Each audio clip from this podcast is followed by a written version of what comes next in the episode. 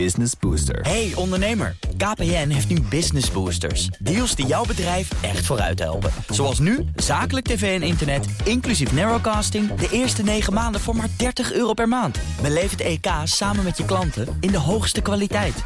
Kijk op kpn.com slash businessbooster. Business Booster.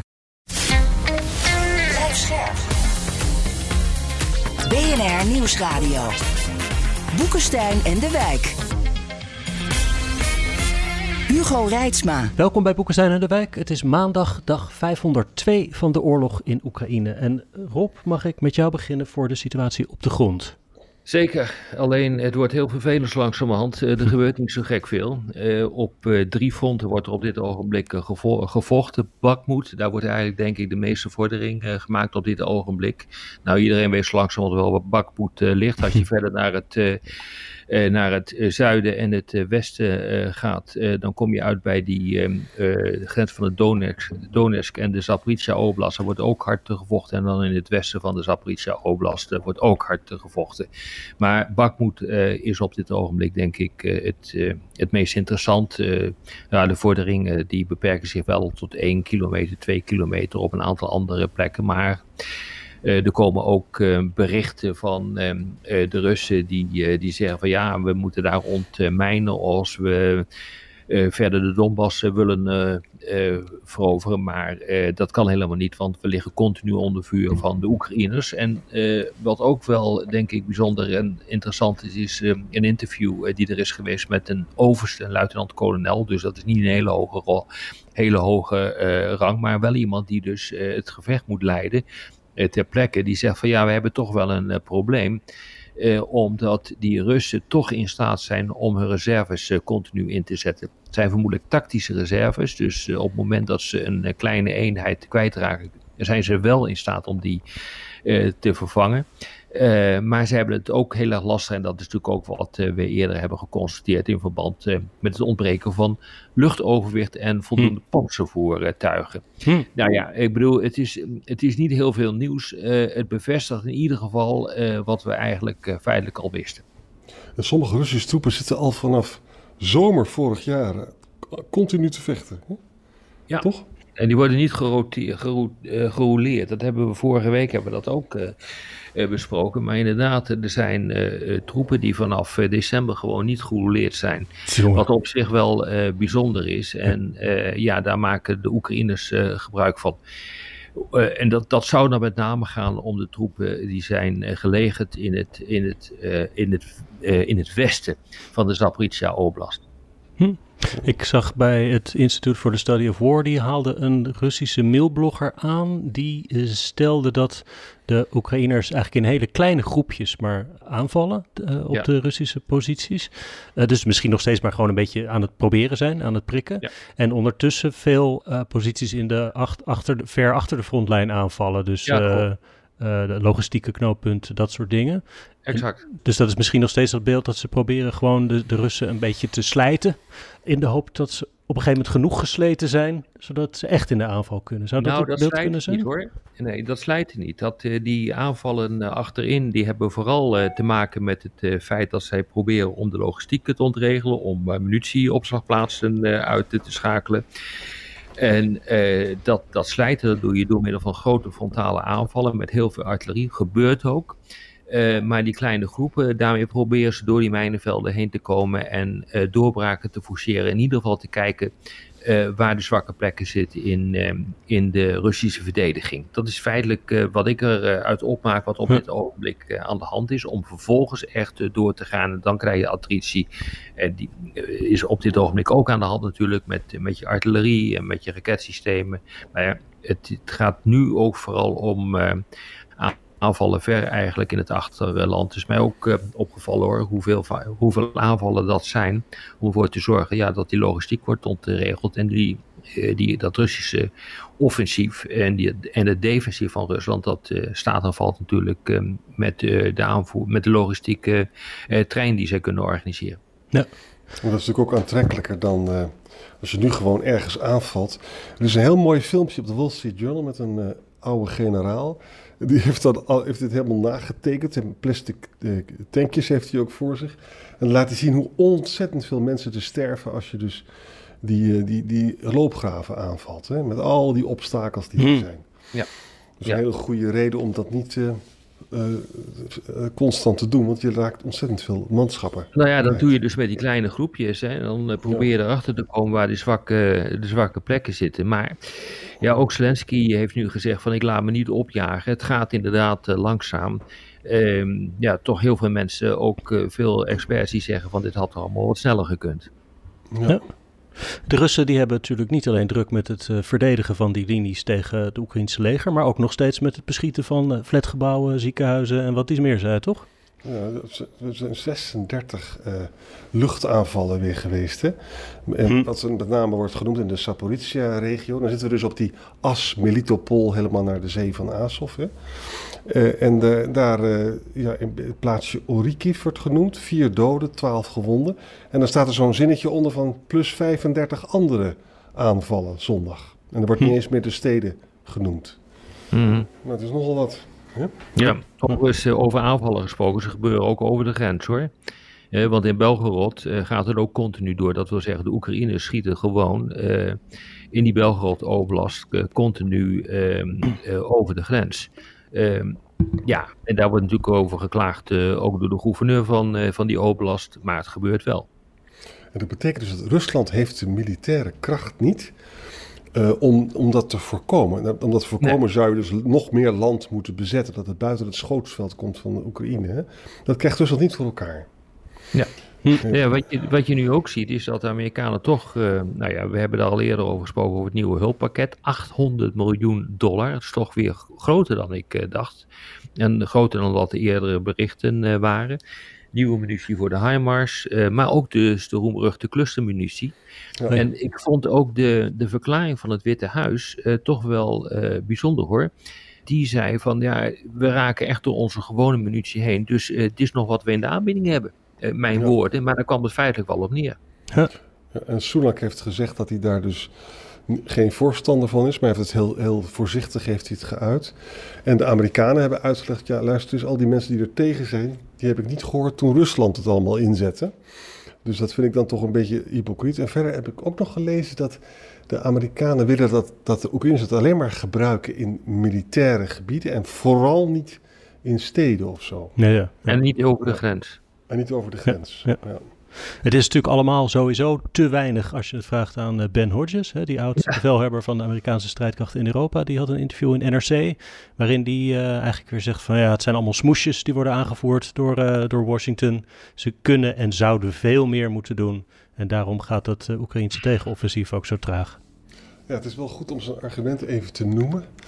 Ehm, hij vindt dus, hij is een enorm voorstander van die beroemde hè, die Hugo altijd zo graag noemt, die ATACMS. en, en hij zegt, ja, waarom doen we dat nou toch niet? Want de Britten leveren toch ook de Storm Shadow kruisraketten? En eh, dat kan allemaal wel, en dat vindt Washington kennelijk wel goed. Hè? En die kunnen ook eh, eh, verder dan 200 eh, kilometer. Hè? En verder, eh, luister eens, Oekraïne heeft gewoon beloofd dat ze geen eh, doelen zullen aanvallen op Russisch grondgebied. Ja, dat is niet zo'n heel sterk argument, want dat gebeurt natuurlijk voortdurend ook met andere dingen. Hè? En verder eh, zegt hij van, eh, ja, Washington klaagt over onvoldoende voorraden, hè? maar de baas van Lockheed is nooit benaderd met de vraag of ze meer ATACMS konden produceren. Hè? En bovendien wordt die, worden ze ook nog geëxporteerd naar Polen. Het is dus een gebrek aan politieke. Je ziet dat Ben Hodges is dus echt op oorlogspad. En het argument waar hij niet op ingaat, of hij gelooft dus niet in nucleaire escalatie. Dat is zijn punt. En dan, en dan komt hij met de bekende argumenten dat China zal dat niet goed vinden. En als dat gebeurt, ja, eh, het is leuk om ermee te dreigen met de nucleaire escalatie. Maar als ze het daadwerkelijk doen, dan is het over. Want dan denkt hij dat de Amerikanen dus zullen reageren. Ja, weet je, kijk, ik heb toch wat moeite met, eh, eh, met, ehm, eh, met Ben Hodges hoor, in dit eh, verhaal. Eh, ten eerste die ATACMS, die eh, lange afstandssystemen, 300 kilometer, daarvan zegt hij, ik weet de reden niet. Nou, die, die reden weet hij wel. Ik bedoel, ik ken hem goed genoeg, dat weet hij gewoon. En dat Ja. heeft eh, te maken ook met, eh, met afschrikking. Heeft te maken, daar is een relatie ook met eh, de, de boodschap die, eh, eh, de Amerikanen aan uh, Poetin hebben gestuurd van uh, op het moment dat jij toch echt weer gaat dreigen met nucleair en ze misschien wel in gaat zetten, dan leveren wij die ATACMS en dan kan de Krim helemaal plat worden gelegd. Hmm. dat, soort, dat soort relaties worden continu gelegd. Dat weet hij ook wel, dus hij moet niet zeggen van ik weet niet wat de reden is. Maar het hmm. meest interessante vind ik van hem is dat hij ehm, vorig jaar, zei hij nog voor het eind van het jaar, is de Krim door Oekraïne uh, veroverd. Oh ja. En dat heeft hij gezegd. En, en, nu is dat niet zo. En nu, ja, ik vind het eerlijk gezegd een rechtvaardiging van uh, het, het, feit dat je dat uh, ja, toch niet goed voorspeld hebt.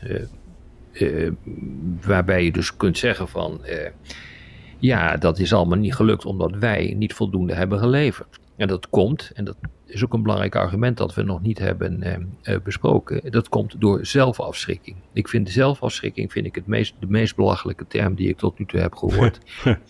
Want afschrikking is een, een theorie waarbij eh, de dreiging van kernwapens de ander ervan weerhoudt eh, om iets te doen. Dat geldt voor de Russen en dat geldt voor ons. Zelfafschrikking is larikoek. het is gewoon afschrikking. Je bent bang voor kernwapens of je bent het niet. um, Hodges is in wezen niet bang voor kernwapens. In die, ja, ook weer wel, want hij zegt ja. Ik, ben, ik neem de dreiging van uh, kernwapens zeer serieus, maar tegelijkertijd roept hij, hij gaat ze niet inzetten. Ja, het is of het een of het ander. Dus hij hinkt hier op uh, twee gedachten. Als hij tenminste goed geciteerd is, want uh, uh, dat, dat ontbreekt er ook nog wel eens een keer aan. Maar in ieder geval, uh, zelfafschrikking is larikoek. Het Westen wordt inderdaad afgeschrikt uh, van al te drieste stappen. Elke stap die genomen is de afgelopen 500 dagen, is er iedere keer één van een afweging tegen de mogelijkheid van escalatie. En zelfafschrikking is onzin omdat je wordt afgeschrikt door de tegenstander, in dit geval door, door Rusland, die inderdaad ja, continu eh, doet aan nucleair wapengekletterd. En dat moet je gewoon serieus nemen. Punt. En dat is gewoon wat het is. En dat is waartoe Biden zich heeft laten leiden. En ik moet zeggen, daar heeft Biden absoluut gelijk in. Zullen we eens even door naar de NAVO-top, die morgen begint in uh, Vilnius, Litouwen? Ja, is het goed om die agenda even af eh, te lopen. Want dat zijn eigenlijk alle onderwerpen die wij de afgelopen tijd ook hebben, uh, hebben uh, besproken. Laten we even kijken wat we er zo van weten. Maar een belangrijk onderwerp is natuurlijk het lidmaatschap van Oekraïne. dan de veiligheidsgaranties voor Oekraïne is buitengewoon belangrijk. en een van de allerbelangrijkste punten vind ik hoe de collectieve defensie, de, de, verdediging van de NAVO, kan worden versterkt. Met name op uh, de oostflank. En dan praten we met name over uh, landen als Polen en de Baltische Staten. Toetreding van, uh, van Zweden. En natuurlijk het besluit dat genomen moet worden om de 2% van het bruto binnenlands product te gebruiken als minimum voor de defensieuitgaven. Hm. Ik denk dat dit de belangrijkste. Kijk, er zijn er nog veel meer, maar ik denk dat dit de belangrijkste zijn. Kijk, uh, wat daar bijvoorbeeld ook in zit, als je het hebt over het. Uh, het versterken van de, van de flank is dat er regionale plannen die moeten worden geaccordeerd. Regionale plannen, dat zijn geheime plannen van de NAVO, waarin op strategisch niveau, zeg maar op breed niveau, redelijk abstract niveau is uitgezet uh, hoe de NAVO moet worden verdedigd. Die moeten daar uh, op een of andere manier wordt, moet die daar, daar geaccordeerd worden. Maar het is wel een probleem, omdat met name Turkije, iedere keer ook Turkije hier weer hoor, uh, feitelijk een blokkade oplevert. omdat hij zegt van ja, zo'n regionaal plan, die moet dan ook gelden voor Cyprus. Maar met Cyprus hebben we een probleem. Nou, je begrijpt al uh, hoe dat in elkaar zit met uh, Grieks en uh, met Turkse Cyprus. Maar hier zit dus ook een geweldig probleem. Dus ook hier zie je weer dat, dat Turkije een probleem ehm, oplevert. En de bedoeling is dus dat ja, de NAVO-leiders dat gaan oplossen. Nou, ik moet nog zien of het kan gebeuren, maar het is wel cruciaal. Ja. Laat, laten we maar even inzoomen op Turkije, want dat is toch belangrijk hè? Er zijn, er zijn echt ontwikkelingen, eh, twee ontwikkelingen. Van, uh, dat hij dus, die, die, die beroemde Azov-commanders, weet je wel, van, van Mariupol. Die zijn dus nu, uh, die waren op Turks grondgebied en die zijn, heeft Zelensky, heeft hij daar dus vrijgekregen. Met andere woorden, Erdogan, mm -hmm. Peskov is dus kwaad, hè, want de bedoeling was dat hij in Turkije zouden blijven tot het einde van de oorlog. En Zelensky heeft ze meegekregen. Nou, het tweede wat er is mhm. gebeurd is dat Erdogan heeft gezegd van Oekraïne moet gewoon lid van de NAVO kunnen worden. Dus ja. ik stel dus vast dat Erdogan opeens niet meer zo'n vriend is van uh, uh, Poetin. En dat hij gewoon nu dingen doet die, die, die de Russen de gordijnen injagen. Dus Hm. we kunnen alleen maar gissen naar de verklaring. Maar ik vermoed dus dat, uh, dat Erdogan geschrokken is van die koepoging. En vindt dus dat Poetin minder sterk ervoor staat. Zoiets moet het zijn. Hmm, Erdogan is natuurlijk ook niet zo dol op koepogingen. Nee, nee. heeft, hij, heeft hij een uitgebreide ervaring heeft hij daarmee. Hij belde overigens ook als eerste Poetin op toen het allemaal gebeurde. Want hij herinnerde al die ellende die hij dan zelf uh, allemaal had. En verder, wat heel spectaculair is, jongens. Dat is typisch Erdogan ook. Hè? Hij heeft nu net gezegd van, luister eens, uh, wij vinden dat... Uh, uh, Zweden kan alleen maar lid van de NAVO worden als wij eerst, als Turkije, ja. lid van de EU wordt. Ja. Ja, het is dat toch je, niet te geloven. Nee, dit is dat, dat je bijna. Dit is een grap, toch? ja. Nee, dat is geen grap. Maar nee. Ik, ik, ik, kijk, ja, het heeft toch te maken met het feit dat ook zo'n Erdogan zich vernederd uh, voelt. En hij zit nu aan de knop, hij kan nu eindelijk wat. Hmm. En uh, weet nu dat hij de macht heeft om dit soort uh, dingen te doen. En laat zijn macht ook blijken. Maar ik, dit zou als een averechts effect kunnen hebben hoor. Want ik hoor ook achter de schermen steeds meer mensen zeggen van moeten we dat hele land niet uit de NAVO schotten, schoppen. Mhm. Dat is trouwens makkelijker gezegd dan gedaan. Want volgens mij is er geen enkele procedure voor om een land uh, uit de NAVO te schoppen. Uh, maar je kan natuurlijk het land wel het leven zuur maken. Dat geldt ook voor de Europese Unie. Uh, die allerlei afspraken natuurlijk weer kan gaan intrekken. Met betrekking tot de douane-Unie. Dus ik bedoel, je hebt natuurlijk allerlei mogelijkheden om dat land te sarren. En Turkije wil ook nog steeds heel graag de F-16's hebben. Dus die, er is nu ook een beweging achter de schermen aan de hand. Um, om ervoor te zorgen dat de F-16's toch geleverd kan worden. Biden schijnt nu aan een deel um, uh, te werken, uh, waarbij hij heeft gezegd van oké, um, Oekraïne moet NAVO-lid, uh, sorry, Zweden moet NAVO-lid kunnen worden. Wij zullen dan die F-16's gaan leveren die je zo graag wil hebben, maar die mag je nooit tegen Griekenland inzetten. En we gaan een mechanisme, een, een verificatiemechanisme ontwikkelen, waardoor we ook kunnen controleren dat je ze inderdaad nooit tegen Griekenland gaat inzetten. Nou, Hmm. ja, hoe dat allemaal moet, is mij ook, een, ook onduidelijk. Maar er is op dit ogenblik wel enige, enige beweging gaande. Dus of dit nog leidt tot een NAVO-lidmaatschap van Zweden tijdens top, dat is denk ik onmogelijk te zeggen op dit ogenblik. Het is echt heel spannend. Dit is Mhm. high politics achter de schermen. Ja. En we zullen dagen nou van eh, de komende dagen zien. Biden heeft dus gebeld in het vliegtuig eh, in de Air Force One naar Sunak toe, hè? met eh, Erdogan. Naar Londen, ja. Dus Zo kwamen we er nog niet uit. En wat, het de eeuwige probleem dat hier speelt is het volgende. Kijk, uiteindelijk hebben wij liever Turkije aan onze borst dan eh, erbuiten. Hè? Mhm. het, is- het moet geen eh, loose cannon on deck worden of in Iraanse invloedssfeer komen of zo. En, en, en verder, Turkije heeft een grote krijgsmacht. Hè? Het is een belangrijk land met een grote strategische positie. En daarom kan hij ook zo vreselijk veel maken. Hij is ook net weer met heel veel bombarie verkozen natuurlijk. Hè? Ja. Het was leuk geweest als dat niet was gebeurd, maar ja, dat is dus allemaal wel gebeurd. En dus gaat dat geëtterd door. Maar ik geloof ook erop dat, dat, dat die grap met het Turks EU-lidmaatschap, dat dat een overreach is. Dat zal die, dat zal die kwijtraken. Ja, ja, ja, nee, maar dat eh, leidt tot ongehoord veel irritatie. Alleen al dat je durft om de link aan eh, eh, te brengen tussen het NAVO-lidmaatschap en het EU-lidmaatschap. Die Mhm. twee hebben helemaal niets met elkaar te maken. Die gaan nu voor een NAVO-top naar Vilnius. Ja. En dan moet je er ook niet nog een keer gaan zeuren over het EU-lidmaatschap. Zeker voor Europese politici, maar ook Amerikaanse politici is dit natuurlijk een, eh, is dit een brug te ver. En eh, daarin gaan ze gewoon niet mee. En bovendien, eh, wat moet Biden nu eigenlijk met een EU-lidmaatschap? Ik bedoel, van Turkije. Ik bedoel, Amerika zelf is geen lid van de Europese Unie. Dus het is een, com- een complicatie die ook buiten alle afspraken omgaan die destijds met Zweden zijn gemaakt. Zweden zegt van wij hebben ons nog echt alle, alle, alle afspraken ge- gehouden. Alleen hier wordt getraineerd in Ankara. Ja. In het verleden heeft Amerika altijd gezegd hè, tegen ons van neem nou toch Turkije op in de EU. Dat is beter voor onze veiligheidspolitieke positie. hè. Dus er zit wel enige consistentie daarin. Maar dit gaat hij niet redden. En Scholz heeft net gezegd ook van dat heeft niets met elkaar te maken. De Zweedse Ja, NAVO-lidmaatschap en de EU.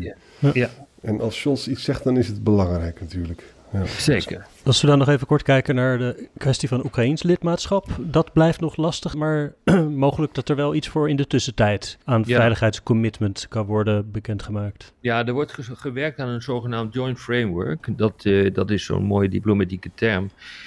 voor een, een, raamwerk waarin landen, ehm, ik denk, voor zover ik het nu kan bekijken, landen, maar ook de Europese Unie, individueel, bilateraal dus, een afspraken kunnen maken met Oekraïne over de mate van steun die ze willen leveren. Dat kan wapens zijn, dat kan ook geld zijn.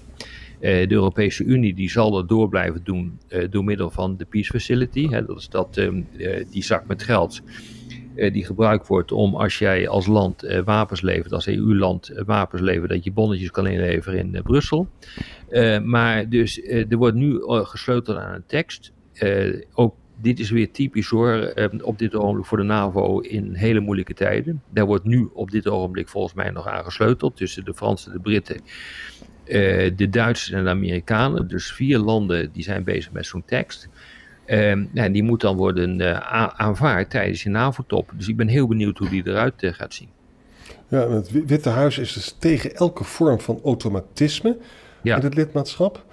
Anderen zeggen wel dat NAVO-lidmaatschap moet mogelijk zijn als de oorlog gestopt is. En dan hebben ze het over vrede. Er wordt niet gesproken over een staakt vuur, is een beetje onhelder taalgebruik. Hè? Hm. En Biden kiest voor het Israëlische model, dus betekent gewoon wapens blijven leveren. Ja. Uh, en maar het verschil dan met, het Israël model is dat het resultaat gedreven is. Hè? En uh, ja, ik, ik zie nog niet zo goed hoe ze eruit komen. Er staat een mooi artikel voor, in de vers van Sarot, weet je, die dat mooie boek ook, ook heeft geschreven van... Bedenk goed, een Oekraïnse toetreding tot de NAVO betekent ook een Oekraïnse verdeling. Hè? Dat betekent dus dat er een deel, het bezette deel, er buiten valt. Dat geeft ook, leidt ook allemaal glazen intern ook in de, in, in, in de Oekraïne. Kan wel hoor. Het kan wel. De, de West-Duitsland was lid van de NAVO, de DDR niet. Ja, dus ik bedoel, het, het, het, het kan wel. Het is niet helemaal vergelijkbaar. Maar het kan wel. Ik bedoel, uh, politici zijn natuurlijk buitengewoon vindingrijk in het vinden van, uh, van oplossingen. Hm. En, en als dus Oekraïne zou dat bezette, het niet bezette gedeelte mag toetreden, dan geeft dat Zelensky meer mogelijkheden om aan zijn eigen bevolking te verkopen dat hij een deal moet gaan sluiten met, uh, met Poetin. Dat is ook weer, ook weer een overweging. Hè? Van, want ja, dan moet dus Zelensky moet dan dus bloeden. Hè? En dat kan hij makkelijker verkopen als hij die veiligheidsgaranties heeft in de vorm van NAVO-lidmaatschap.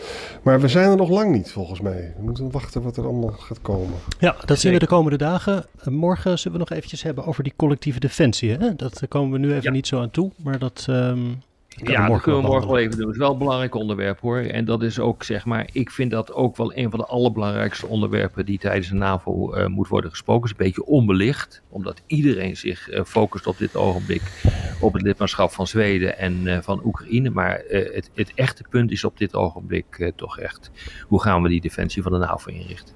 Doen we morgen. Nou, Doen we morgen. Dank voor vandaag. Tot morgen. Tot morgen. Hardlopen, dat is goed voor je. En Nationale Nederlanden helpt je daar graag bij. Bijvoorbeeld met onze digitale NN Running Coach... die antwoord geeft op al je hardloopvragen. Dus, kom ook in beweging. Onze support heb je. Kijk op nn.nl slash hardlopen.